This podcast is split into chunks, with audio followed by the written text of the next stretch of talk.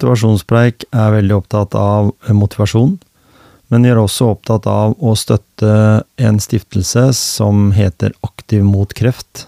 Denne stiftelsen har etablert 21 pusterom rundt omkring i Norge på forskjellige sykehuser, og som vi alle vet, så er trening en viktig faktor for å bli fortere frisk. Trening før, under og etter kreftbehandling er viktig, og for å ha dyktige instruktører, for et godt pusterom i nærheten av der du bor, så uh, velger vi å si at det viktigste du nå må gjøre, er å støtte Aktiv mot kreft.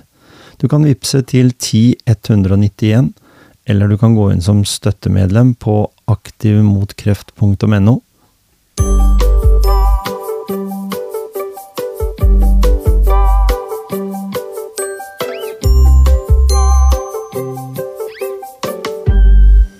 I dag har jeg besøk av eh, en eh, artist. En eh, person som er flink til å motivere andre når de står på scenen. Jannicke Irvin Abrahamsen har lang erfaring. Til å være 1978-modell så har hun på 80- og 90-tallet gjort ti kassetter med ulike barnemusikk, og faktisk fått åtte gullplater og tre platinaplater. Det er helt utrolig. Solgt 450 000 eksemplarer av en kassett. Eh, vi skal snakke mer om uh, hennes motivasjon, hennes karriere, og ikke minst jubileumsforestillingen som hun var ansvarlig for i Skien og Ibsenhuset i september i år.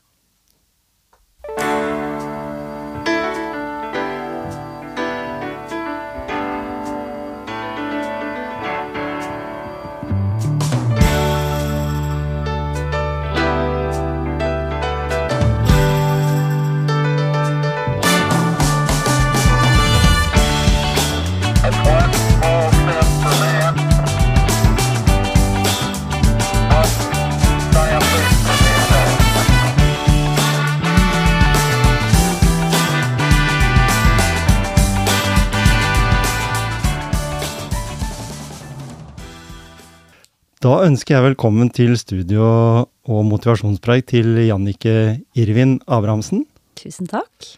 Takk for at du ville komme nå, sånn etter å ha landa et jubileumsshow på Ibsenhuset i Skien. Ja, det passa kanskje bra nå. Ja. jeg hadde litt mer tid og Ikke sant? Du må ta når en har tid, og en har landa og fått uh, fordøyd det litt. For det har vært en enorm uh, greie. Ja, det har det. har tatt lang tid, som du sier. Hvor lang, lenge har du holdt på? Jeg har jo visst om dette i over to år. Mm. Uh, og da, fra den dagen jeg fikk det tilbudet, så har jo det vært i hodet mitt. Ja. Uh, og det er jo som jeg har sagt til veldig mange, at det kunne jeg jobbe med så mye jeg ville. Mm. Og bruke så mye tid jeg ville, for det var alltid noe å ta tak i da, når man jobber med et sånt prosjekt. Mm. Så du har vært med på hele prosessen. Altså du har lagd uh, forestillingen, eh, henta inn ressursene, altså de menneskene som du ville jobbe med. Mm. Og så har det blitt eh, kanskje den største suksessen i nyere tid, er det lov å si det? Åh, det hørtes veldig ja, flott ut. jo, men, jo, men ikke, det er jo litt sånn. ja, Sannheten er i hvert fall at eh, det var en overveldende respons på forestillingen, og at det er lenge siden noen har fylt Dovregubben fem ganger da, på ja. en helg. Vi snakker om Så, Dizzie Tunes og den storhetstida der på, på, på, den tida da, da, du var ganske ung. ja, den er jo sjelden, da. Og det har jeg tenkt på også mm. når jeg var i arkivet til Ibsenhuset, at det må jo handle litt om at det kan jo ikke ha vært like mange tilbud. Nei. På den tida, kanskje, siden de klarte å fylle opp til 18 hus, liksom. Ja. Det er jo helt utrolig. Og så kom de tilbake og har skrevet i gjesteboka at vi slo vår egen rekord. Mm. Og, det, og, det, var jo den gangen, så er det som du sier, det var litt færre ting å, å tilbud. Altså, vi hadde jo liksom ikke internett, eller, eller vi hadde jo ikke de sånn som en kan i dag, liksom, laste ned. Så, så, du har jo på en måte fanga opp en, et publikum som syns det var ålreit å gå. For vi har vært igjennom en pandemi, og alle vet jo det hvis en bare leser litt rundt forbi, at det har ikke vært lett å være artist med de store husa. Fordi Ibsenhuset har jo ganske mange seter. Og det, det, er jo mange som syns det er ålreit med de små scenene, for da, da, slipper du å få det stresset med å fylle, og du fyller fem hus. Det er fantastisk. Ja, det er veldig, veldig gøy. Og det er jo, som du sier også, pandemien har jo Den sitter jo i kulturbransjen enda, mm. eh, dessverre.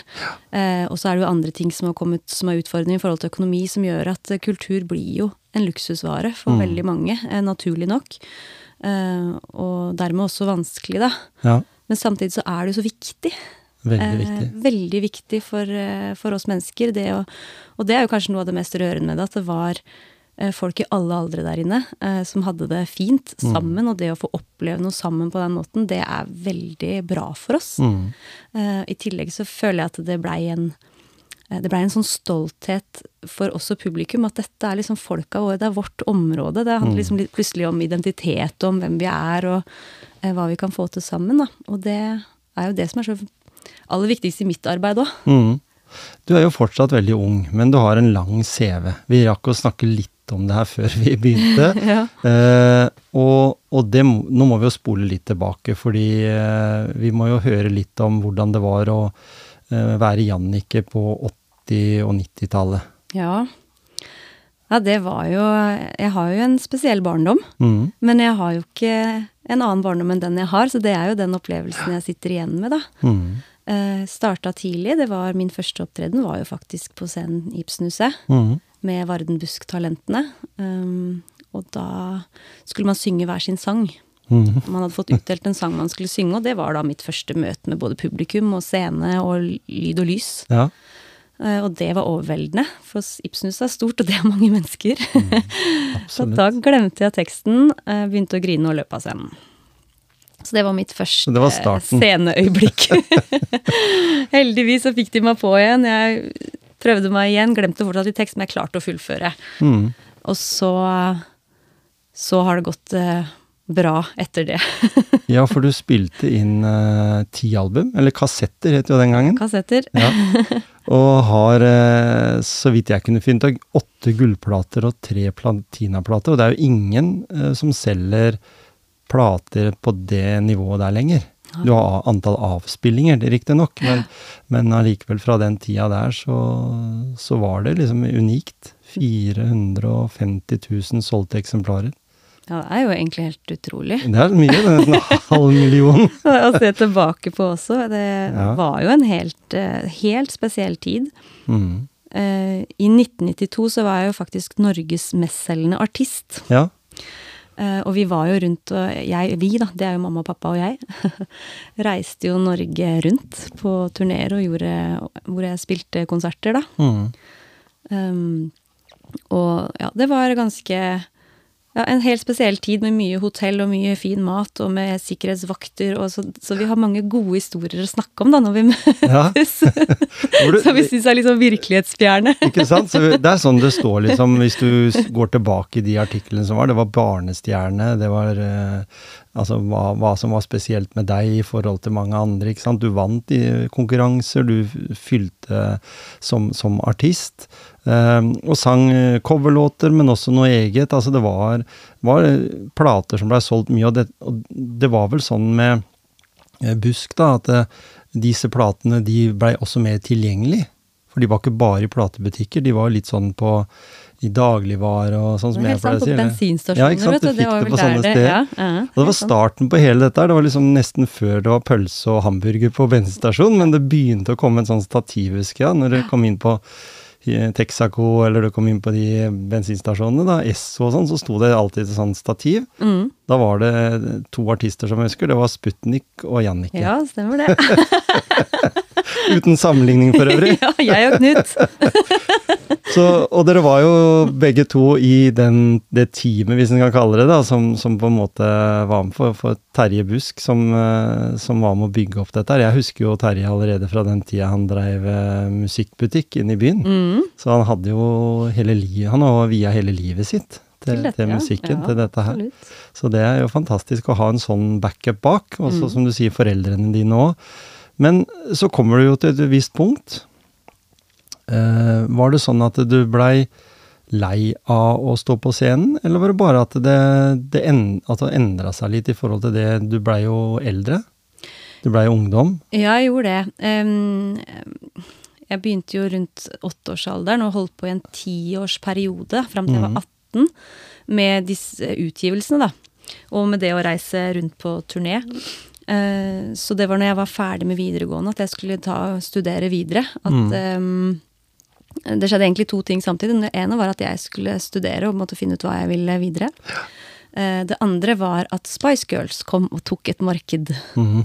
Og det var veldig tydelig, for plutselig så var de eh, Ja, de var jo nummer én på alles lepper, men det var faktisk De nådde et barnepublikum. Det var liksom da Og etter det så har det vært vanskelig å komme til med barnemusikk. Da er det popmusikk som har eh, liksom vært det største for barn, da, etter det. Så det var veldig tydelig skille, faktisk, i forhold til salg. Ja. Eh, og popularitet, da. At det blei noe annet som man eh, eh, Ja, at det forandra seg, det Og, og da blei det, da ble det, sier du, sånne artister da, sånn som Spice Girls, du hadde Nå etter hvert så har jo hatt Justin Bieber og mange sånne, og, og når de har konserter, så er jo gjennomsnittlig eh, Gjennomsnittsalderen av de publikummene du hadde. Ja, Mm. den er lav. Det, er veldig lav. Og, jeg kjenner jo etterpå at jeg har en sånn stolthet i det at jeg sang på norsk, Mm. for eksempel. Mm. At de forstår hva vi liksom har synget om, hva vi når, ja, Eller de barneartistene som holdt på før, da. Ja. Musikken som var for barn, da. Ikke sant? Det er jo voksne også, det, altså som synger for barn. Men det var jo liksom en ny greie. Mm. Det med at man egentlig faktisk bare hører på musikk. Og jeg kjenner, husker jo det sjøl også, for jeg var barn og hørte på engelsk musikk og var, skal synge det i dag, så bare hva i all verden er det, er det det jeg sang? det er veldig morsomme Ja. Du bare kopierte det, den teksten, og så fikk du med deg hva det betydde etterpå? Ja, vet du. Sånn mange år etterpå. Ja. ja. Men, eh, men ja, eh, det var liksom en av, del, en av sidene. Og så var det det at jeg eh, ville jo fortsette med dans. Mm. som jeg har drevet med fra jeg var veldig eh, liten. Eh, fra jeg var seks år, før jeg begynte å synge. ja. Eh, så har det alltid vært min sånn hovedinteresse. Og brukt mye tid på det. Gikk danselinja på videregående og søkte meg inn på Statens balletthøgskole på KIO, da. Eller Kunsthøgskolen i Oslo. Og så kom jeg inn, og Ja. da er jo jeg sånn som aldri gjør ting halvveis. Så da skulle jeg gjøre det på ordentlig. Ja, ikke sant? Og, og det er jo, eh, holdt jeg på å si, en vei å gå, det. Fordi kan, det kan jo kombinere med, med andre typer ting. Altså du kan jo fortsette å synge, for den saks skyld, og det har du også gjort. Mm. Eh, men du gikk jo litt lenger òg. Altså det som jeg kunne finne ut av, at du blei pedagog Ja, gjennom det det Ja, jeg tok pedagogstudiet på, på Kunsthøgskolen. Mhm. Eh, Det er viktig for meg, fordi jeg har hatt muligheten til å undervise, og muligheten til å stå på flere bein. Ja.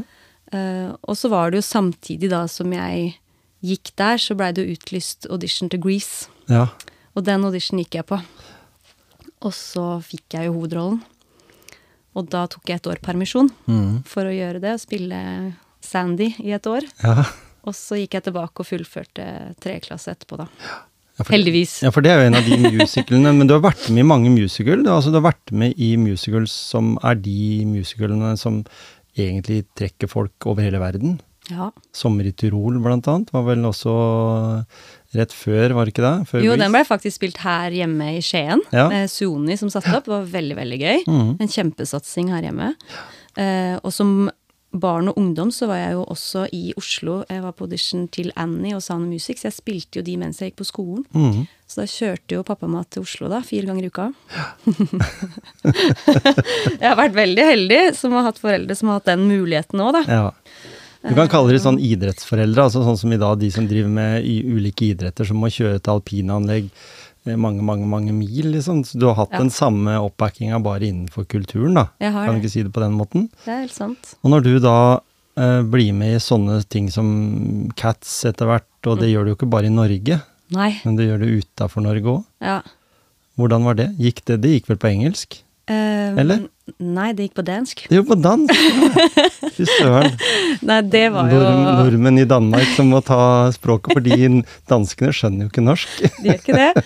Men det som var så um, Det som var spesielt med det, var jo at jeg, jeg visste at de i um, København, på Det Nye Teater, da, som dette stedet heter, de spiller originalforestillingene. Så de henter jo inn de kunstneriske teamene fra Broadway og West End og gjør produksjonen sånn som den på en måte er originalt. Helt sånn, ja. originalt. Okay. Så um, når du er der på audition, så er, var det liksom til Cats, for eksempel.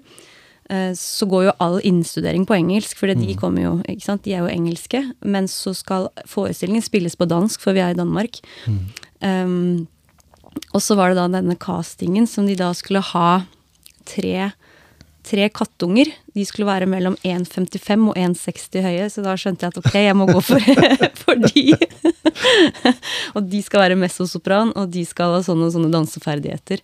Så det er veldig konkret. Mm. Og der sitter man også med disse blekkene eller notene, liksom, så står til og med koreografien innskrevet. Ikke sant? Jeg syns det var et fantastisk eventyr å være med på. Altså. Med håndlaga sko og parykker tilpassa deg selv, malte drakter på. Det er, liksom, det er eh, så store produksjoner at det er eh, Ja, det er det desidert gøyeste jeg har gjort. Det gir jo kjempemye erfaring også. Vi tenker på så store produksjoner òg. Ja.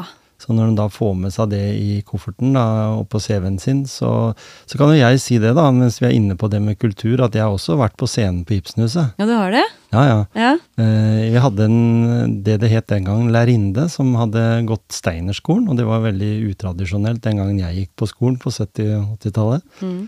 Og vi hadde folk og røvere i Kardemommeby, ja. og jeg var løve. Du var løven, ja. Men, men, men, men det var det som var, skjønner. Det var det at det, det var, og det var Gjemse skole de arrangerte noe som heter Gøyaden. ja. Og det var, da var jeg full stappa med foreldre og besteforeldre og tanter og onkler og alt.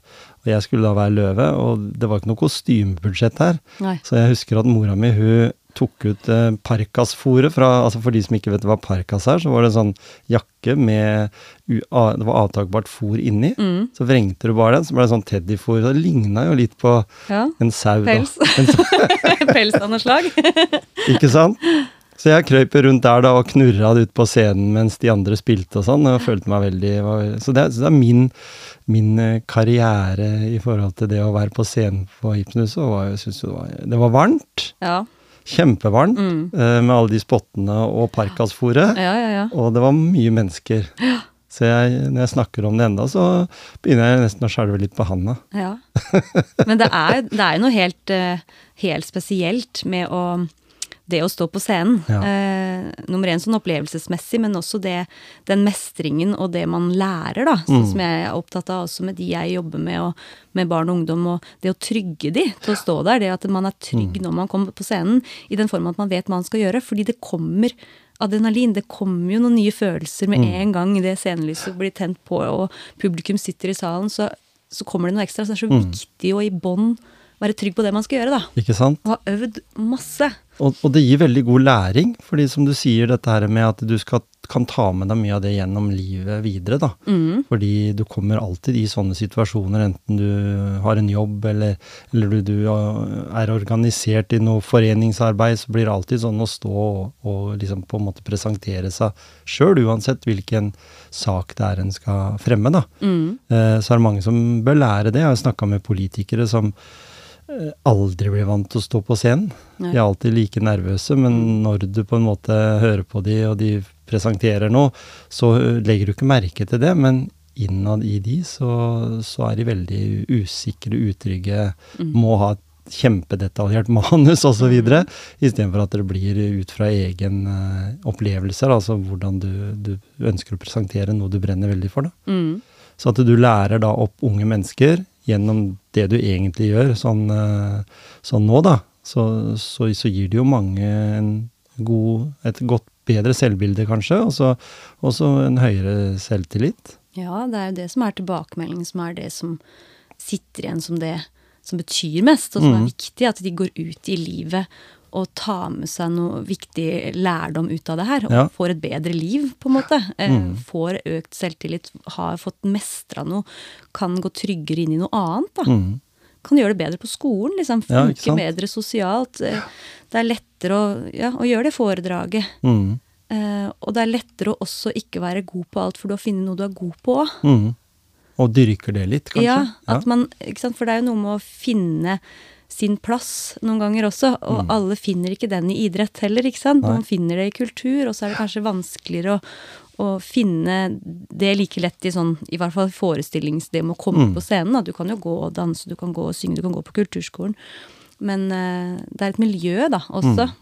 Um, hvor man plutselig føler at uh, oi, her passa jeg inn. Ja, ikke sant? Uh. Og noe av det mange jeg har snakka med opp gjennom åra, så er det noen som sier at ja, men folkehøyskolen, den gjorde meg trygg på meg sjøl. Mm.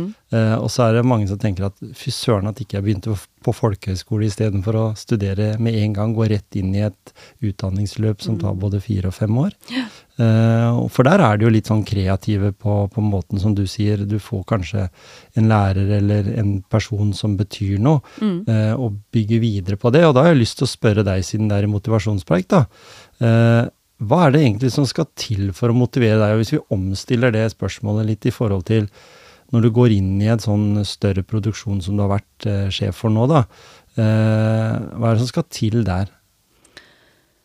Um, når jeg først skal lage en forestilling, så er jeg opptatt av to ting. Uh, sånn i utgangspunktet. Det er at jeg vil veldig gjerne begeistre og berøre et publikum. Mm. Og så vil jeg veldig gjerne at de som er på scenen, skal um, utfordres. Der de er. Mm. Det er de to viktigste tingene for meg. Eh, og hvordan jeg blir motivert til å finne et repertoar, eh, det er gjennom å se andre ting. Ja. Jeg ser masse forestillinger, alle typer ulike forestillinger, Mm. eh, av hva som beveger seg rundt. både i Oslo, her hjemme på Ibsenhuset, om det er det, eller Teater Ibsen, eller på reiser, så er jeg alltid til å oppsøke forestillinger. Mm. For det gir meg veldig mye motivasjon. Det i tillegg til å se på mennesker, av en eller annen grunn. Ja. Gir meg veldig mye inspirasjon. Mm. Um, så ja, kanskje spesielt sitte i en park i Oslo og, og se mennesker rundt meg. Det er, jeg vet ikke, det er i hvert fall med på en eller annen Det skjer et eller annet med meg. Så det er jo inspirasjon jeg trenger for å bli motivert, tror jeg. ja. Hvis det Gir opp mening. Ja, du tenker fanger opp ulike atferd. mm, Eh, For da, for da, da er jo jeg er litt sånn jeg òg, da. For jeg, jeg må til Oslo for å få det, da. For dessverre så er det litt for lite. Det er litt lenge mellom hver gang det kommer noen som er litt annerledes i, Ja, det det. i gaten i Skien, da. Man, Sånn sett. Så Ja. så kommer, kommer du dit, og du, og du sitter eh, på en fortauskafé, enten det er på Grünerløkka eller, eller eh, Majorstua eller i Oslo i sentrum, mm, så ser du utrolig mye mennesker. Det kan godt være halvparten av de kommer herfra òg, men Mm. det er bare at de, de er kanskje litt sånn at de, en ønsker å på en måte mer å være seg sjøl mm, på et sånt sted, Mm. en storby. Og enda mer i London. Jeg, jeg, jeg har jo vært i London og brukt eh, nesten en hel helg bare for å, bare å se på mennesker. ja, jeg elsker å være i London, bare gå rundt. Ja. Gå rundt i gatene, og der ble jeg inspirert av butikker til og med, for det er jo så mye nisjebutikker. Det er så mye Mm. eh, som igjen er eh, klær, kostymer, kan jo også gi meg ideer til nummer eller ting jeg skal Ja, liksom tenke åh, den minte meg om den sangen, for Mhm. eksempel. Fordi jeg lager jo eh, ofte em, en helhet, et visuelt bilde, da, er Mm. like viktig for meg som den sangen, eller hvem som skal stå og gjøre det. Så ser jeg jo alt for meg før jeg begynner å, å lage det, da, eller sette forestillingen sammen. Og når jeg da jobber med det, så er det I studio så er det jo veldig ofte de jeg jobber med, som motiverer meg videre og inspirerer meg til å jobbe videre, og Mm. aldri gi opp det her. Fordi det gir de så mye. Mm. Um, og fordi jeg ser at det utfordrer, det, det skaper mestring, det, det skaper begeistring, og det berører, da. Som det Mm. gjorde nå med publikum, så er jo det min inspirasjon til å ikke gå hjem og Jeg gikk hjem og la meg ned en uke, liksom. Men, men jeg fikk i hvert fall lyst til å liksom begynne å se ting og høre musikk igjen, og tenke at det, kanskje jeg skal gjøre det igjen. Mm. Um, når, når du snakker om det, da, så, så skjønner jeg det at du er god til å visualisere. ja. Og det er jo det samme som toppidrettsutøvere gjør. Mm. Altså De ser jo for seg f.eks. Aksel Lund Svindal når han holdt på, eller Kilde, da, og de ser jo liksom hele løypa. De ser seg sjøl i den løypa. Det gjelder jo andre som driver med kunstløp, som sier det samme. De Mm. lager hele programmet inni hodet sitt, og så ser de bildene. Mm. Så du ser forestillingen sånn som den blir, og da er jo egentlig ganske sånn det er jo krevende å få den til å bli helt lik den, da, for visualisering er jo mye fantasi også. Mm. Så du får liksom hele fantasien over i, ut i den virkelige verden, hvis Ja, jeg skjønner Det er jo det som skjer. Ikke sant? Og det er jo det jeg prøver å noen ganger sier til de også, at det er så rart, for dette bildet har vært så sterkt inni mitt hode så lenge, og så plutselig så står det her og er virkelig, da. Ja. Og da blir jeg jo veldig rørt, for at det, ansiktene var jo ikke der. Nei. Og det er jo det sterkeste av alt. Det er jo ansiktene Hvem som går inn i de ulike som går inn i dette uttrykket igjen, som bare forsterker det, og så blir det jo enda sterkere enn jeg har sett for meg. Og det er liksom da Så det, my, det har vært mye gråting, altså. Men det, har, det er også viktig, det er viktig det å vise følelser. Da, da, blir det, da blir det mer ekte for de som blir med der òg. Som skjønner at her har vi en person som går all in. Jeg tror det er det som igjen motiverer de Ja. til å gi så mye inn, at de ser den eh, ja, helt, Jeg tror de ser den ekte kjærligheten jeg har til det jeg driver med, da. Mm. Og at jeg har sett for meg de så tydelig i alt.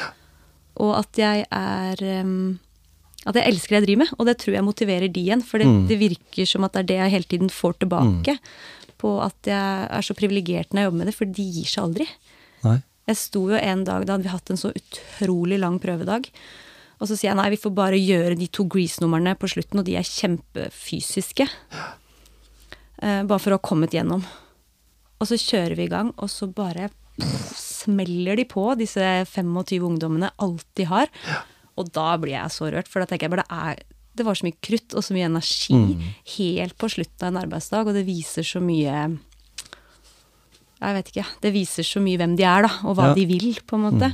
Og da skjønner jeg at jeg jobber med noe jeg skal jobbe med. Vi snakker, vi snakker om toppidrett. Vi snakker jo om det, at for Ja. de som går inn for det der, de går jo all in for det på samme måten som en som går på toppidrett eh, og har lyst til å drive med en eller annen idrett på et eh, litt overnormalt lokalt nivå, for å si det sånn. Ja.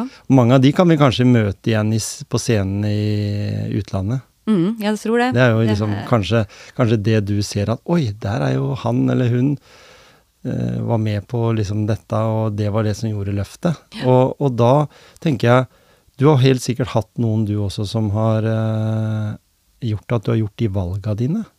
Er det noen mennesker som du på en måte ville sagt at det, takket være det eller den, eh, så, så endte du opp der du er i dag? Det tror jeg kanskje må være fler, og flere Mm. ting. Mm. Eh, eller Jeg har jo hatt en danselærer som jeg har sett veldig opp til, eh, og som ga meg troa på at dette går an å satse på. Det visste jeg jo ikke engang. Nei? Egentlig, når jeg var ung, så trodde jeg ikke det gikk an å bli danser. Nei. Nei? Nei, det Men det, ga hun sånn meg jo, det går an, liksom. Og det burde du gjøre. Mm. Eh, Du burde gå for danselinja. Og det var jo for meg en sånn, nesten tilbake til det vi snakka om i stad, det med å plutselig bli flink i andre ting, da. Og komme, ikke folkehøyskole, men videregående blei for meg en litt sånn Mm. Oi, jeg kan gå på musikk, dans, dramalinja. Ja. Uh, da har jeg det bra på skolen. Det, det det var litt sånn, da fant jeg liksom min plass, følte jeg. Fordi, jo, fordi jeg tenker at hvis du skal drive med dans Én ting er å drive med musikk og stå på scenen og fremføre en låt, men dans er jo en, Da må du ha evnen for å være Du må jo være karismatisk. Du må jo fange publikum på en måte uten at du kan uttrykke deg med Ja. sang. Mhm. Det er jo det, Det er det er dans er. Så det, det er jo det som gjør dans populært når vi ser på sånne talentshow og sånn. Mm. At noen kan stå der og uttrykke dansenummer eh, uten å si et eneste ord. Det er bare til en musikk, eksempel. Mm. Så vinner de hele greia. Fordi det, det er liksom et språk som alle skjønner. Det er jo et fantastisk språk, og det er jo Mm. det jeg også har jobba med i denne forestillingen, at vi jobber med de ulike språka, hva formidling er, da, Mm. gjennom både sang, gjennom musikk, gjennom dans.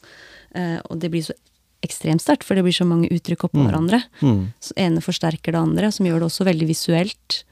eh, Og som gjør at det treffer mange, tror jeg. Fordi Mm. du kan skape din egen historie. Du kan se på det du vil. Det er det som er så fantastisk med teater. Mm. For det, på TV så bestemmer kameraene hvor du skal se. Ja. På teater så bestemmer ingen det. Nei. Du kan se på akkurat hva du vil. Um, og til slutt så er det jo det derre Det er jo den eh, for, eh, Vi har ulik smak, da, hvis jeg kan si det, det, i forhold til formidling også, og Mm. hva som fanger oss. Og det har vært fint med den forestillingen. Det er 55 forskjellige på scenen, og, og folk kan ha lagt merke til helt forskjellige ting og, og bli tiltrukket av forskjellig, men det som er så fint med det, er at alle var liksom på hele tiden. Alle torde å stå i det, var veldig trygge i det uttrykket de ga ut til publikum. Mm. Og da blir publikum veldig engasjert. Så tre, da, har, da vil det si det samme som hvis du tar det over i fotball, da, så har du trena eh, fem fotballag, du da. Ja. Hvis du tenker 55 stykker, ja. hvis du ser i den størrelsen, tenker du fem?! Ja. ja dere har jo en trener som han greier seg godt nok med ett. jeg skal, men jeg skal, det skal jeg innrømme at det var mange. Ja, det er det. det fordi at jeg, det er jo så viktig for meg å se alle. Mm. Uh, og da kunne jeg jo kjenne etter en dag at åh, i dag så jeg ikke den og den så godt. Liksom, og det er liksom vond følelse for meg, for jeg er veldig Mm. opptatt av å se alle, at Mm. alle føler seg sett, da, for det er viktig. Mm. Eh, og da i alle mulige kommunikasjonsledd her i det vi gjorde, så er det klart at 55 stykker er mange. Mm. Er, er, men er du flink til å eh, på en måte, Jeg vil tro at du både må gi litt kritikk, men er du flink til å gi ros? Um, jeg, jeg tror det. Ja, sant? Jeg er opptatt av å gjøre det, samtidig mm. som jeg er veldig opptatt av en tradisjon vi har i teatret når vi jobber, at vi hele tiden jobber også bevisst mot det som skal forbedres og det som kan endres, Mm. fordi det andre funker og er bra. Og at de er der i utgangspunktet fordi de er bra. Mm. Fordi de har noe der å gjøre. Og at alle er like viktige for forestillingen. Mm. Det er liksom en grunnleggende praten jeg har med alle, at det må man vite om. For vi har Mm. ikke tid til å gå og si alt som er bra hver eneste dag. Nei, ikke sant?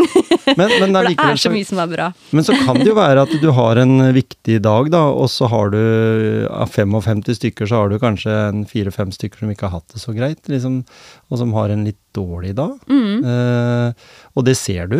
Mm. Du ser, legger jo merke til sånt, du som er litt detaljorientert sånn sett, du har Ja. sagt det sjøl. Mm. Eh, tenker du da at du går bort til de og liksom pirker de på skulder og sier at jeg skjønner at ikke du kanskje har hatt det så greit nå, for jeg ser at du ikke er helt deg sjøl. Mm. Eh, for det gir jo ofte en tankevekker. Det er jo en god motivasjon, tenker jeg, å også tørre det. Både som med den, det du driver med innen kultur, men også på en arbeidsplass. Mm. For det uh, alle jeg snakker med, sier at det er det vanskeligste som leder. da. Å Mm. gå bort og så påpeke det.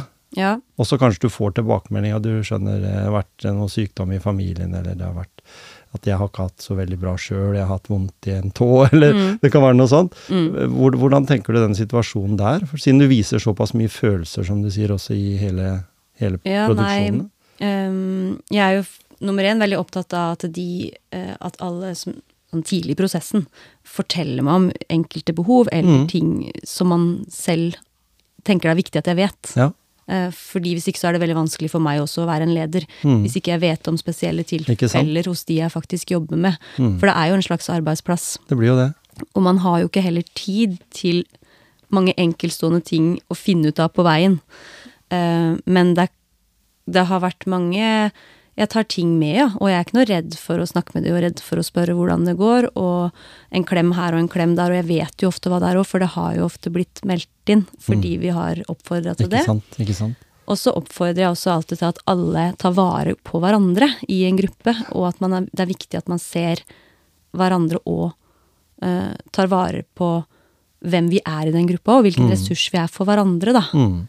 Um, og det tror jeg er noe av det fineste med å jobbe på tvers av alder òg. For det er så gøy når du ser at barna føler at de kan lære de voksne noe. Mm. For det skjer jo i kultur, Ja. ikke sant? Eller i disse hvor det er nytt for mange voksne også, som ikke har stått ikke sant? Så er det jo en ungdom som har stått i mange år og gjort det her, og har kjempeerfaring plutselig, ikke sant? på noe en voksen ikke har vært med på før i det hele tatt. Og måten man da blir likestilt som mennesker, det er veldig fint. Mm. Det, Og det, tror jeg er godt godt å kjenne eh, på for alle. Absolutt. Og, og jeg, jeg skjønner jo det med de, mål, de tinga vi snakker om her, da, at du har gode lederegenskaper. Det må du jo absolutt bare fortsette å bruke. Fordi det at du kan i en sånn Jeg tror ikke mange tenker at når du da har en sånn oppsetting da, på 55 mennesker, eh, sikkert pluss noen i andre òg, Mm. som skal forholde deg til når ikke det skjer noe på scenen, Mm. eh, så er det en normal eh, eller en middels stor bedrift Ja. I dagens målestokk i hvert fall. Det er ikke sånn industribedrifter og sånn som, som lederen kanskje aldri var nede i fabrikken Nei. i 25 år. Men vi snakker jo om noen som skal være så direkte innpå hver enkelt person, og du har sjøl vært med å plukke de ut, Mm. sånn at du vet liksom hvem du er. Eh, Jeg har jo drevet bedrifter sjøl, jeg, og, og ansatt eh, folk med hjerte istedenfor hode. Mm. Og liksom kommet ganske dårlig ut av det, fordi det på en måte var kanskje ikke riktig. Jeg skulle heller valgt noen som var helt motsatt av meg sjøl. Mm. Uh, og her skal jo du finne mennesker som skal dekke uh, alle ulike behov. Mm. Uh, de skal igjen jobbe i små grupper, og jeg syns det er helt eh, Jeg blir nesten svimmel bare av å tenke på det. så jeg skjønner det at du måtte ha noen dager på landet. Ja, det har jeg måttet hatt også. Men det skal sies at jeg er veldig glad i å, å organisere, da. Mm. Og glad i Excel-ark. Ikke sant? Jo, da, jo, også i tillegg, da, så er, det jo, så er det jo danser, og, og du har jo en egen karriere å ta vare på òg. Mm. Du har jo det, på en Ja. måte. Du, hvis ikke det er det at du ønsker å fortsette nå å være Ha regien på, på store oppsettinger, og så blir setter du deg sjøl litt til side. Du, du er opptatt av fysisk aktivitet. Jeg var jo på scenen sjøl der òg, da. Ja? Og det er jo kanskje den mest utfordrende delen av det. Mm. Så det har jeg liksom Spillende, spillende kaptein Spillende manager. kaptein, faktisk, ja. og det er jo noe jeg liksom tenker hver gang åh, det burde jeg ikke gjøre. For det, det er såpass krevende. Mm. Uh, så det jeg visste, er at det må jeg øve kjempegodt på. Mm. Så jeg bare kan det så godt at jeg bare kan gå ut og inn hele tiden. At jeg kan bare hoppe inn på premiera, liksom. Ja. Uh, og at jeg har planlagt hurtigskifta mine uh, godt, eh, og hopper på. Mm. Eh, fordi det er jo en veldig stor Det var jo et ønske fra Ibsenhuset at jeg også var artist, da. ja, ikke sant? Eh, Så det var derfor jeg gjorde det. Men, eh, men det er også en stor glede å være en del av den forestillingen man har skapt etterpå bak. Mm. Så blir det nesten mer rørende, ikke sant? for da plutselig ser jeg jo hvor godt de regien funker bak scenen også. Hvor mange avtaler de har, hvor de hjelper hverandre i skift. Hvor du går dit og du går dit, og gir hverandre high five og en klem der. Og, for man lager jo mange sånne avtaler Ikke sant? som er eh, utrolig fint. Ja.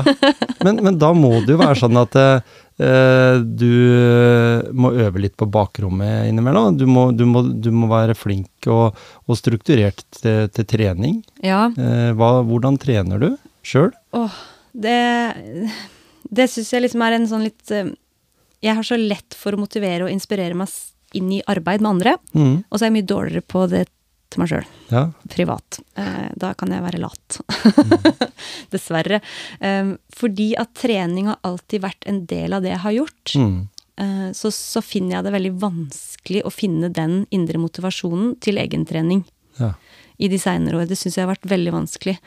Fordi det er alltid Det er ikke treningen i seg selv som har drevet meg, det er det at man skal utøve noe ja, på Sånn. scenen. Du har hele tiden noe foran deg som du skal mestre eller få Mm. til. Mm. eh, og jeg skal gjøre det for det. Eh, Jeg skal gjøre det, Mm. ikke sant? Mm.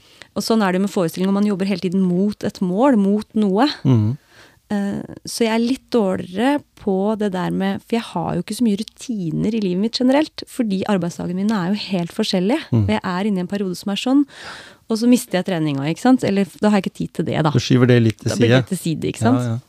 Og så plutselig må jeg sitte mye mer på kontoret. Og så skal jeg liksom ta tak i det igjen. Men um, Så jeg skulle ønske at jeg hadde en annen Ja, en motivasjon for trening på den måten, da, som Mm. bare var en del av det. Ellers så har det bare vært litt Det har bare vært livet mitt, på en Ja, måte. for, ja, for, da, Naturlig. ja, for dans Ja. Det er jo en veldig krevende sport, hvis en kan kalle Mm. det det. Du kan ikke komme uforberedt ut på dansegulvet. Verken muskulaturmessig, fysisk. Altså vi ser jo det at det er noen som legger på seg, da, men så har de teknikken i behold, så de kan liksom gjøre de her tingene likevel. Mm. Men, men det å på en måte være overvektig, da vet en jo er større belastning på alt. Mm. Eh, og, og sånn. Så, så det at du på en måte må Og så må du jo også, ut fra sånn som du sa at du var som person, så må du vel egentlig også tenke litt at det, jeg må være bitte lite grann bedre enn de andre, eller tenker du ikke sånn lenger? Nei, det Nei, tenker jeg Ikke ikke sant? Har du noen gang gjort det? Nei, egentlig ikke. Nei? Eh, Jeg har alltid tenkt at jeg gjør mitt ytterste for Mm. for å gjøre den jobben jeg gjør, bra. Mm. Eh, og det, nå kanskje jeg sier at jeg ikke trener, jeg trener, ja, altså. Og jeg går liksom mye turer, det er jeg veldig glad i, for da kan jeg lytte til musikk og bli inspirert samtidig, og jeg kan Mm. se kanskje mennesker eller natur Ja, ja. eller ting rundt meg som jeg er glad i. Og jeg har også masse lengre perioder liksom hvor jeg trener styrke, for det syns jeg er gøy.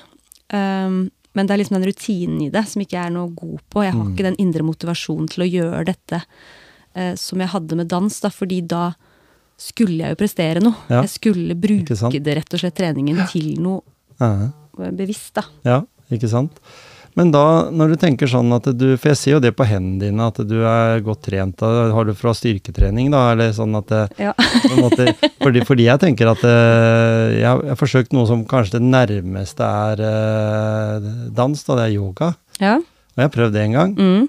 Og jeg trener mye forskjellig, altså. Jeg variert trening til å være en voksen mann, men, men jeg syns jo det var kjempekrevende. Det var utrolig tungt. Ja. Gjorde ting. Og, og, da tenker jeg at dans er jo også sinnssykt tungt. Altså, du ser jo det på de som er med i Skal vi danse, Mm. at det er noe som tar skikkelig på. Du ser jo de endrer personlighet, nesten. Ja. Noen av de, fordi fra å være liksom litt sånn smålubne, og så går de ut derfra med høy, hodet høyt hevet. Mm. Og noen av de fortsetter jo karrieren, om ikke med dans, men med framføringer, da. Mm. Som de på en måte har eh, skapt gjennom å være med i, jeg vet ikke hvor lenge de er med, ja, fem uker kanskje, fire uker, Mm. eller noe sånt.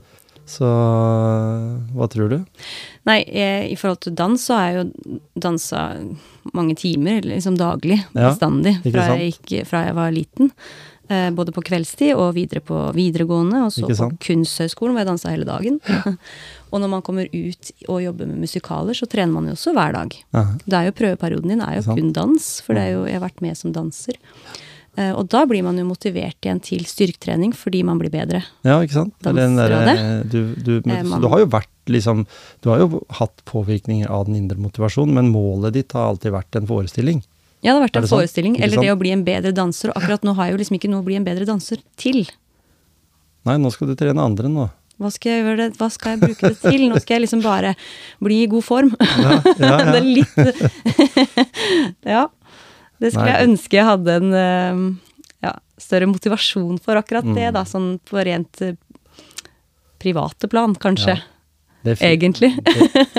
For det er lett å motivere seg til en forestilling. Ja, ikke sant? Din, din jobb sånn fram til det er jo egentlig bare å skape en entusiasme blant de andre menneskene som er der. Mm. Og, og for at du skal gjøre det, så må du ha en viss form for energi. Ja. Det må du jo ha. Ja. Du har en utstråling og en energi som gjør at det er, er lett å formidle budskapet, uh, hva folk skal gjøre. Ja, den Og så er må de trene mot det, ikke sant? Ja.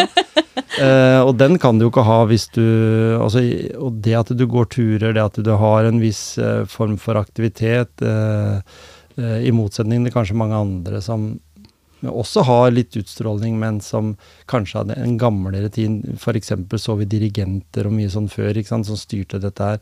De var svære sånn mannfolk ofte med dress og flosshatt omtrent. Liksom. Så, så, så du er jo en del av crewet, på en måte. Du får, forsvinner inn i, inn i massen der som en god leder som, som tenker å jobbe fram nye talenter, for det er vel kanskje sånn du tenker? Ja. At du ser at de gror fram? Mm. At du er med på å så de rette spirene, da, hvis en skal si det på den måten. For det er jo det man kanskje finner eh, nå, eller jeg da i hvert fall, finner større og større mening i, som Mm. føles viktigere, på en måte. Mm. Å skulle eh, se at andre blir gode, og se at andre liksom eh, Ja. Kan gjøre det jeg har hatt så stor glede av sjøl, da. Ja. Å gjøre. Og så har du lang CV, så du, og det du har gjort sjøl, det har du jo da gjort ut ifra de evnene du har hatt der og da. Mm. Eh, og nå kan du da i ro og fred dyrke fram andre nye dyktige talenter. Og så, når du står på scenen, er du mer, er du mer avslappa nå sjøl? Eh, ja, det er jeg nok. Ikke sant? Eh, har en større ro til det jeg skal gjøre uh, sjøl. Det Mm. har jeg. Um, og så gjør jeg det jo kanskje på en litt annen måte også. Jeg har jo liksom bevega meg ut i andre sjangre. Sammen med Lena Barth Årstad, eksempel, hvor vi jobber liksom humormusikalsk, og, Mm. som er en liksom annen eh, greie for meg da, enn musikalteater, hvor du går veldig inn i en rolle. Så er dette mer basert på Jannicke-rollen. Ja, på en måte meg selv. Eh, som i starten var veldig skummelt, Mm. fordi jeg er så vant til å, å gå på scenen og være en annen. Ja. Som jeg også syns er veldig behagelig. Spille, ro spille roller, ja. Spiller roller Mm -hmm. uh, i form av at det er veldig Det er liksom litt følelsen av å ikke å hoppe ut av sitt eget liv, liksom. Og ikke være til stede inn, bare være til stede i det man gjør, da. På en helt annen måte. Mhm. Som er noe befriende og veldig fint. Mhm. Um, så gå inn i det med å liksom være seg selv mer på scenen var på en måte litt skummelt, men så har man blitt vant til det. Det er en rolle, det òg. ja. Og det er jo det du jobber med nå. Nå skal Ja. dere ha juleforestilling. Ja, Ja. nå skal vi i gang igjen. Nå er det snart jul. ja. Og da er det jo Det er jo roller vi går inn i, Mm. som, men basert på oss selv, på en måte. Ja. Ikke sant? Og så har vi nå et så langt samarbeid bak oss, og vi kjenner hverandre så godt at vi har veldig mye å spille på sammen, og det er veldig Mm. gøy. Mm. Uh, så det er veldig trygt Ja, uh, samtidig. ikke sant? Um, og det er viktig for meg, for jeg har alltid vært liksom, opptatt av trygge rammer sjøl. um, og vite hva jeg skal gjøre. Mm. Um, for jeg er nok um, Jeg er ikke en sånn impro-artist. ikke som menneske heller. Ganske liksom Ja. Så det blir noen øvinger. Ja, det blir noen øvinger, og jeg elsker prøver. Mm. Det prøver jeg å lære barn og ungdom. Man må øve og prøve før man skal gå på scenen. For det er ikke noe selvfølge å bare skulle gå på scenen og levere noe heller. Nei. Og det skal det ikke være heller. Så, så, og det er jo i dagens uh, kulturgreier, altså det som uh, spilles rundt la, på latter og sånne ting. Vi vet jo at det er mye øving bak der også, og det skriver manus og det ene med andre, men, men mye uh, av underholdning kan virke veldig tilfeldig da på YouTube. Det er liksom bare Jeg pleier å kalle det, det er mye tull og tøys. Mm. Og det, det, er jo på en måte sånn som er impro, på en måte. At det improviserer liksom der og da. En tar den versjonen. vi har roasting, ikke sant. Det er mange Mm. sånne type kultursjangere som, som er litt sånn utenfor den litt tradisjonelle framføringa som jubileumsforestillingen har, eller som juleforestillingen har. For det, det, er, det bygger litt på den derre gode, gamle norske kulturen med revy, med Einar Rose og, Mm. og, og vi kan for så vidt si Dizzie Tunes, da, siden de er lokale, Mm. men også det som Lene har hatt med sine, sine show, også utenom der du ikke har vært med, så har det liksom vært den sjangeren Mm. som ikke Den, den erter litt dialekter og sånn type karakterer, men den mobber ikke. Nei, den gjør ikke det, og den er veldig Det er jo en hva skal man si, en sjanger også som vi på en måte eh, hva, hva heter det vi som, som vi er vokst opp med, da. Ja. Eh, som også krever et manus. Det krever samspill, det krever øving, det krever regi. Mm. Det er så Det går ikke an å gå på en scene og improvisere det. Eller Nei. bare Det skjer ikke av seg sjøl. Og veldig mye av det vi ser som vi opplever som impro også, er jo heller ikke impro. Nei. Det er jo regissert, er og det er inneøvd, og det er ofte ikke de som har skrevet det selv. Det er masse gode manusskrivere der ute ja. og, eh, som, som gjør dette for noe. Men det, Mm. det der med at man ikke bare eh, skal gå på scenen uansett hva, liksom, eller bli eh, ja, ja, det er mange ting. Men det, det er jeg opptatt av at man, det er et håndverk, da. Mm. På en måte. Det er en det er et yrke, rett og slett. Det er veldig mange fag inni det her som skal jobbes med, og det skal vi ta på alvor. Mm. Uh, som fra bånn av å lære sangstemmene, stå og synge. Det hjelper ikke at du synger din hvis ikke vi synger det sammen, og på samme måte. Og lære hvordan vi, dette skal fungere i fellesskap, Mm. på en måte. Og at ikke vi ser de andre på scenen og tar hensyn til det. Det, det må liksom være en del av det. Mm. Og derfor er jeg så veldig opptatt av det der med at alle er til stede på prøver. At det er ikke bare sånn men jeg er bare vekk lite grann. Ja, men du må også være der, for du er en Ja, ja. del av dette, og du betyr noe for den som står ved siden av deg. ikke sant? Da får Ikke ikke den gjort det den skal heller. Så, så den viktigheten av hver og en, da. Ja, for du, du har vært med på teateroppsetninger òg? På Eh. Teater Ibsen, hadde du ikke vært med der? Jo, jeg har gjort både teater og musikaler. Ikke sant? Og, mm, Så da vet du liksom litt den, hva, hva som ligger bak. Og, og, og jeg tenker sånn at eh, i Norge, da, når det gjelder type revy, mm, som jeg nevnte i stad, vi hadde ganske mange gode karakterer. Jeg kan Mm. jo liksom nevne Leif Juster og Karsten Byring og alle den, de som forsvant litt sånn på 80-90-tallet.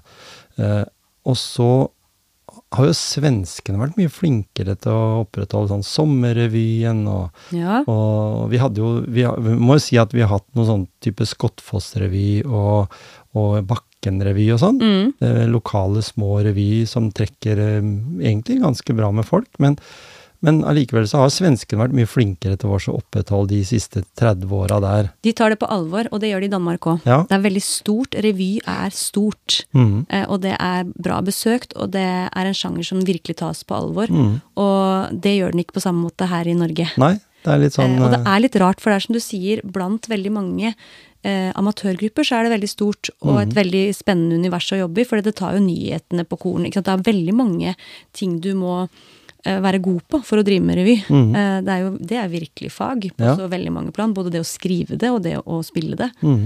Eh, så det, ja, det er helt sant.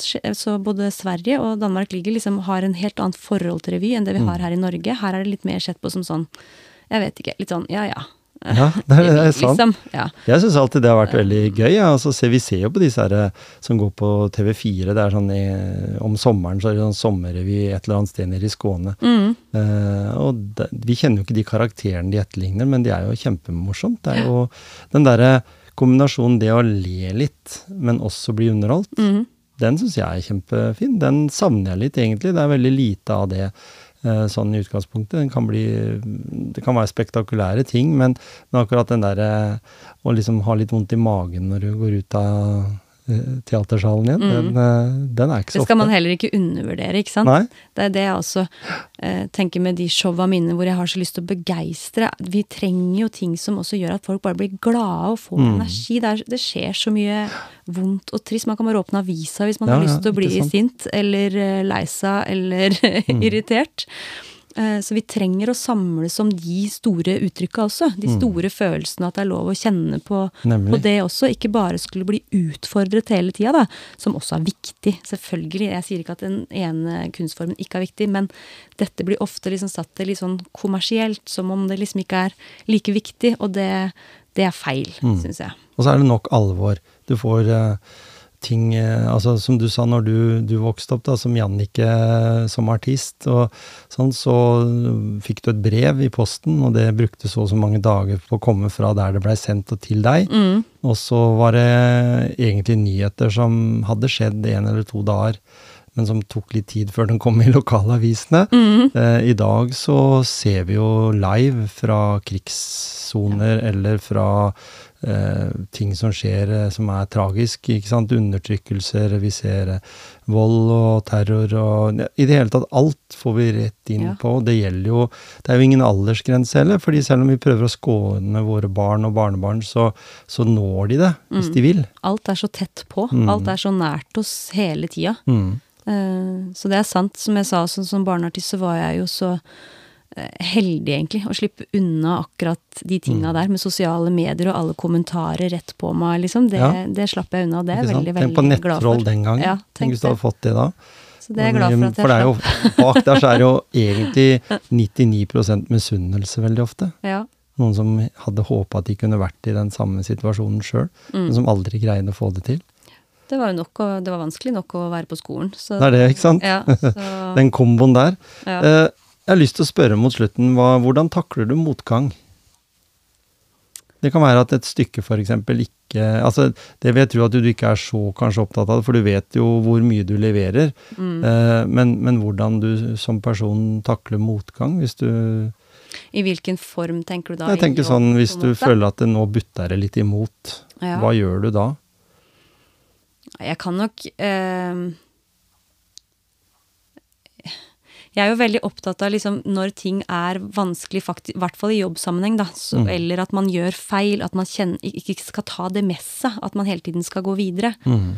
eh, og prøve å legge det bak seg, Mm. og så og, og gå videre. Og jeg, jeg er nok sånn, selv om jeg tar inn ting veldig, og kan ta med meg ting litt lenger sjøl, så oppfordrer jeg andre til å bare gå på videre, liksom, for det kommer noe nytt, på en Mm. Ja. måte. Det, det går over. Snakke om det, eller? Uh, Men jeg snakker om mye ting, ja, det Ja, gjør jeg. Det er sant? veldig Det er viktig for meg. Mm. Uh, Jeg blir ikke ferdig med noe hvis ikke det er snakka om, på en måte. Nei, Ikke sant?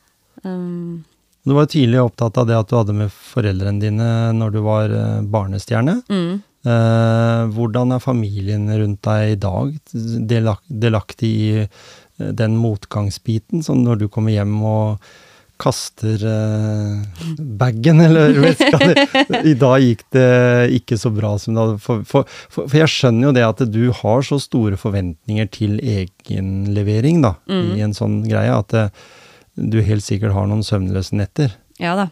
Det er mye tankekjør, og det er mye som jeg ligger og grubler på, liksom. Men det Mm. er Jeg tror at jeg er veldig flink til å ikke gå ned i det, men heller gå videre. Ja. For jeg tenker jo, Det er jo sånn jeg tenker hvis jeg står på scenen og det skjer et eller annet, så tenker jeg bare gå videre, drit i det. Mm. Gå videre. Eh, Det er ikke noe å gjøre med. På en måte Akkurat det er ikke noe å gjøre med. Eller så Det eneste du kan gjøre, er å gjøre det prøve så godt du kan videre, da. På Ja, ja. Og det oppfordrer jeg jo altså andre til, og det gjør jeg også sjøl. Jeg, Mm. jeg går ikke i kjelleren lenger om jeg har gjort noe feil, på en måte. Nei. det skjer, vi er mennesker. Ja, Eh, og det er veldig få som også legger merke til de feila hvis man bare går på videre òg. Spesielt i forhold til hva man gjør på scenen, i hvert fall. og så er det ofte en sjøl som legger merke til de eh, tingene mer enn andre, kanskje. Absolutt. Og tar det innover seg og lager det liksom stort. Det kan man jo se bare med en, et feil på scenen. Det. det kan man enten bare gå videre, så var det ingen som la merke til det, eller så kan man liksom ta inn feilen og bare Nei! Ja. Åh, ikke sant? Så har man jo lagd et stort nummer ut av det. Ja, ikke sant? Men når du da eh, tenker motsatt, da. Hvordan takler du medgang, da? Um, Blir du er, du, er du litt sånn person som blir litt du, Jeg skjønner jo det at du blir stolt av det du gjør, mm, eh, men du er jo også i en sånn situasjon der at nei, nå må jeg gå videre, fordi nå skal jeg inn i et nytt show eller en ny greie, en ny oppsetting. jeg kan jo si det nå i forhold til at jeg må jo si at dette har vært medgang, på en måte, dette prosjektet. Ikke det, det det det som en suksess, og som Mm. noe som jeg har fått overveldende tilbakemeldinger på, så sitter jeg jo liksom ikke hjemme og roper hurra for det, fordi at det har det det, det går ikke helt inn, eh, for det har vært litt overveldende. Og det er det Mm. ofte i sånne jobber jeg har gjort, så er det en liten sorg etterpå fordi det er slutt. Ja. Uh, fordi det har vært en stor del av livet, og det har jo ikke bare denne produksjonen vært. Det var når jeg var i København og gjorde Cats. Jeg jobba Ja. et år med et cast, ikke sant. Og så vet jeg jo, nå drar jeg herfra, disse menneskene, mange av de kommer jeg ikke til å se igjen. Nei. Um, og det også er en type sorg. Det er som det tar noen uker, rett og slett, før man liksom er seg sjøl igjen og går inn i en slags hverdag. Veldig mange av de opplevde jo det nå, av disse barn og ungdommene også, som kommer hjem og livet føles tomt, ikke sant. Mm. Men så har de jo en hverdag som de hopper inn igjen, og så går dagene. Mens for meg er det jo en jobb, på en måte jobben min og min tilværelse, så jeg tror det tar litt lengre tid for meg. Og spesielt det å bli inspirert til liksom bare hoppe inn i noen nye prosjekter. Mm. Fordi jeg ja, som, som jeg har sagt, det, jeg jobber jo veldig visuelt med ting, og jeg mm. det er jo en prosess, det der å skulle skape, da. Uh, så jeg skulle jo ganske fort inn i, i Porsgrunn Amatørteater og jobbe ved koreografi på Nøtteknekkeren, som jeg har begynt på nå. Og da er det en kjempeomstilling. Mm. Og det er liksom Ok, nå må jeg bare sette meg Nå må jeg, nå må jeg liksom Nå må jeg bare. Ja, for jeg tenker, hvor, hvor stort skal jeg gjøre dette? Ja. så det er liksom Jeg bare må, så da må jeg liksom ja, begynner jeg å se litt på videoer, og så begynner jeg å høre litt på musikken. Og så hører jeg på musikken igjen, og så ser jeg for meg hvem er de, hva er, ikke sant? Og så hva kan vi lage ut av det, ikke sant. Og så, og så kommer det jo tilbake til meg, og så er man i gang igjen, på en måte med noe nytt, da. Og så ligger det der som en sånn um, veldig god opplevelse, og så har jeg lært mye også, selvfølgelig, i en sånn prosess. Og, og så sitter jeg jo ofte også og tenker at det går an å ikke liksom bruke hele seg hver eneste gang, Nei, tenker jeg. Og- og- Og nedskalering er vanskelig. Ja, det Fordi klarer jeg du på en måte det, det Du må, må gjøre det beste ut av det som er. Men jeg vil tro når du bruker så mye energi, eh, så jeg har lyst på slutten å spørre deg hvordan du lader, det. alene. Det er det? Ja. Alenetid. Mm. Er Det bare alene med noe musikk på øret, eller er det bare Ikke en bok, musikk. ingenting? Det må Nei. være stille. Jeg hører så mye musikk i jobben min, Ja, det er det jeg regner med? ja, og så mye forskjellig, at jeg er ikke så god til å lytte og bruke musikk som noe terapi for meg sjøl, eller som en sånn Jeg har alltid hatt problemer med noen spør meg hva hører du helst på, så det er vanskelig. Ja. Det vet jeg ikke helt, for det kommer helt an på jeg, hva jeg jobber med. Mm. Så det er nok veldig bundet opp mot jobb. Så musikk er jobbrelatert for deg. Ja. Ehm, da er det stillhet og ro og alenetid. ja jeg trenger det Mm. for å møte masse mennesker igjen, så trenger jeg å være aleine. Langtidslader du, eller korttidslader du? Er du Har ikke tid til å lade så lenge, har jeg Nei, det? det er det jeg mener. Du er sånn typisk korttidslader. Ja, jeg er det. Ja. Kjører hurtiglading, og så er du tilbake igjen i, i den modusen. Selv om sikkert eh, en sånn jubileumsforestilling, den sitter litt lenger ned i ryggmargen Ja, enn altså. en, eh, en liten revy, selv om alt betyr veldig mye. Mm.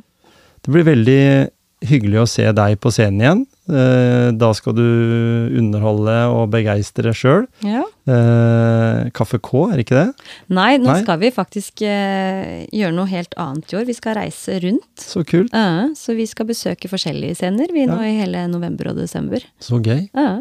Da kan det hende at den, da vil jeg si til lytterne, da dukker nok det en, en forestilling opp i, på en scene nær deg. ja, Det gjør nok det. Det blir på Elvespeilet i hvert fall. Hæ? Blir ikke på Det Elvespeilet? blir ikke det heller. Nei, ikke det. Nei, men jeg skal på Elvespeilet og gjøre en julekonsert Ja, det med noen jeg. barn. Ja, ikke Det vet jeg. Jeg så, jeg det, også jeg så sånn eh, Ja, så der. det stemmer. Skal på Elvespeilet der, og skal også gjøre den på Parkbiografen i Skien. Så Ja, ikke det- sant? Men det er også en eget prosjekt som jeg sitter nå og hører på julemusikk om dagen. Ja.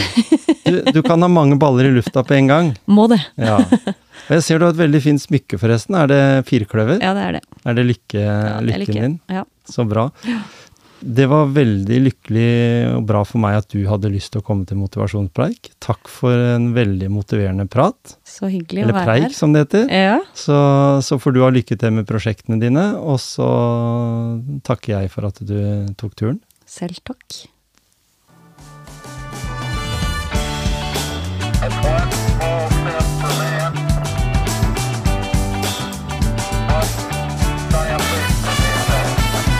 Da var en eh, episode over for denne gang.